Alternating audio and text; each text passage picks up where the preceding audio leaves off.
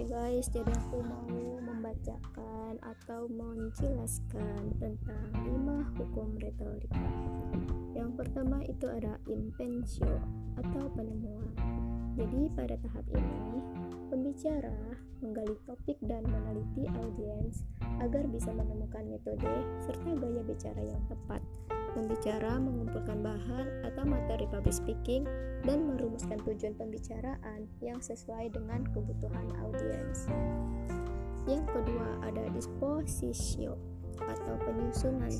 Pada tahap ini, pembicara menyusun presentasi atau mengorganisasikan pesan secara runut dan logis.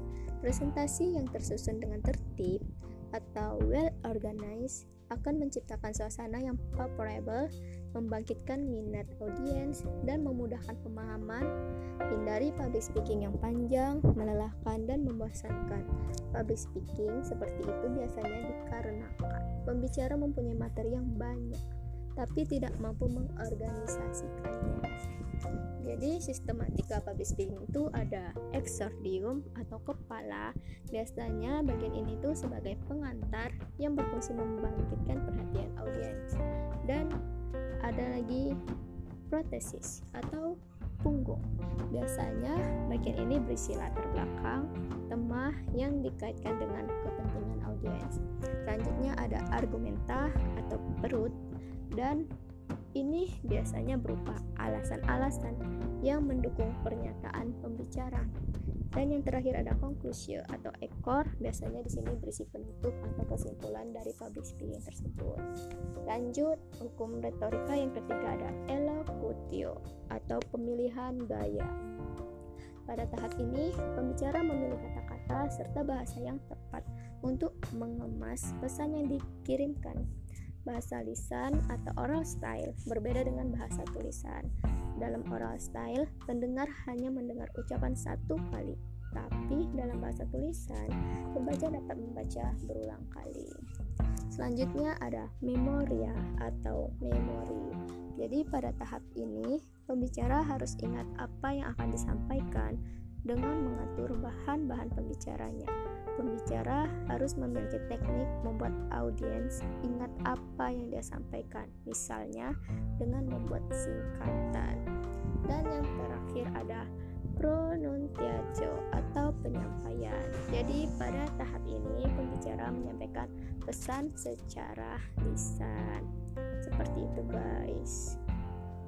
Dan aku mau memberitahu ada dua persyaratan mutlak bagi orang yang akan melakukan public speaking. Yang pertama ada source credibility atau sumbernya itu terpercaya. Jadi saat kita ingin menyampaikan suatu informasi, kita harus mendalami informasi tersebut dan mengecek kredibilitas kredibilitasnya apakah itu benar-benar informasi yang benar atau tidak. Dan yang kedua ada shorts friends atau daya tarik sumber, artinya memiliki penampilan yang meyakinkan untuk tampil sebagai orator. Jadi penampilan kita juga dinilai dalam public speaking. Gitu.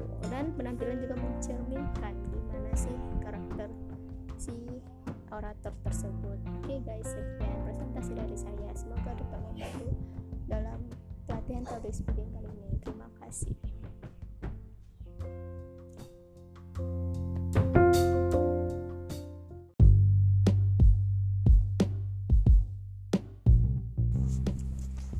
Oke okay guys, back to my podcast. Jadi di sini aku mau menjelaskan bagaimana sih tips-tips mengurangi grogi dalam public speaking. Jadi hal umum ya grogi itu merupakan hal yang umum yang dirasakan pada saat kita public speaking dan aku punya nih tips-tipsnya. Sebelum aku beritahu tips-tipsnya, kenali dulu gejala-gejala gugup saat public speaking. Yang pertama ada jantung berdetak lebih cepat dan yang kedua ada napas pendek, keringat dingin, sakit perut, gemetar, bicara terbata-bata, dan kehilangan kata. Dan hal itu semua merupakan ciri-ciri atau gejala umum saat kita nervous di saat public speaking. Itu guys. Jadi kalau itu yang kita rasakan itu adalah hal yang biasa semua orang juga merasakan hal yang sama seperti itu dan di saat ada gejala pasti ada solusinya jadi aku mau memberitahu langkah-langkah apa sih yang dapat mengurangi grogi? Yang pertama itu adalah latihan di rumah. Kita harus latihan-latihan terus dalam public speaking karena teori aja itu nggak cukup. Dan di saat kita fokus latihan itu membuat kita tuh lebih rileks dan kita bisa lebih terlatih dalam public speaking seperti itu. Dan yang kedua ada datang tepat waktu. Nah pelajari dari segala sisi.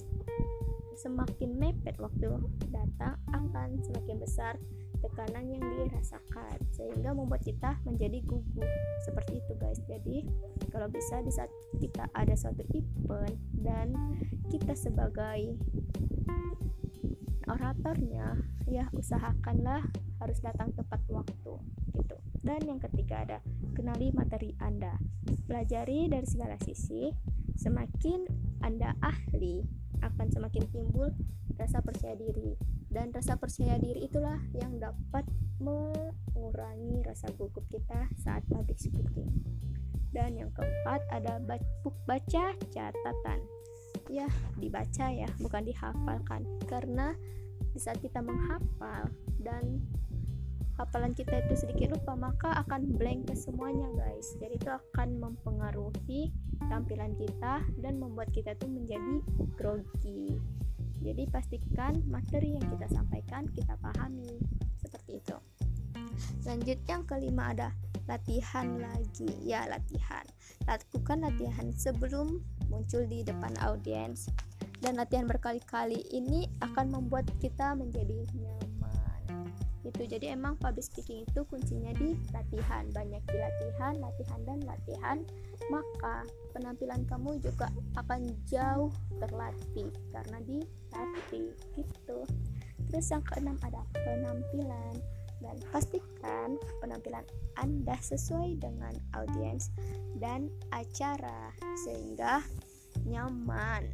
Dan itu menunjukkan kita sebagai orator dan suatu acara dan memberitahu acara apa sih makanya kita memakai pakaian ini gitu. Jadi kita tahu temah temah dari acara tersebut. Dan yang ketujuh ada kenali panggung. Oke kita jalan dulu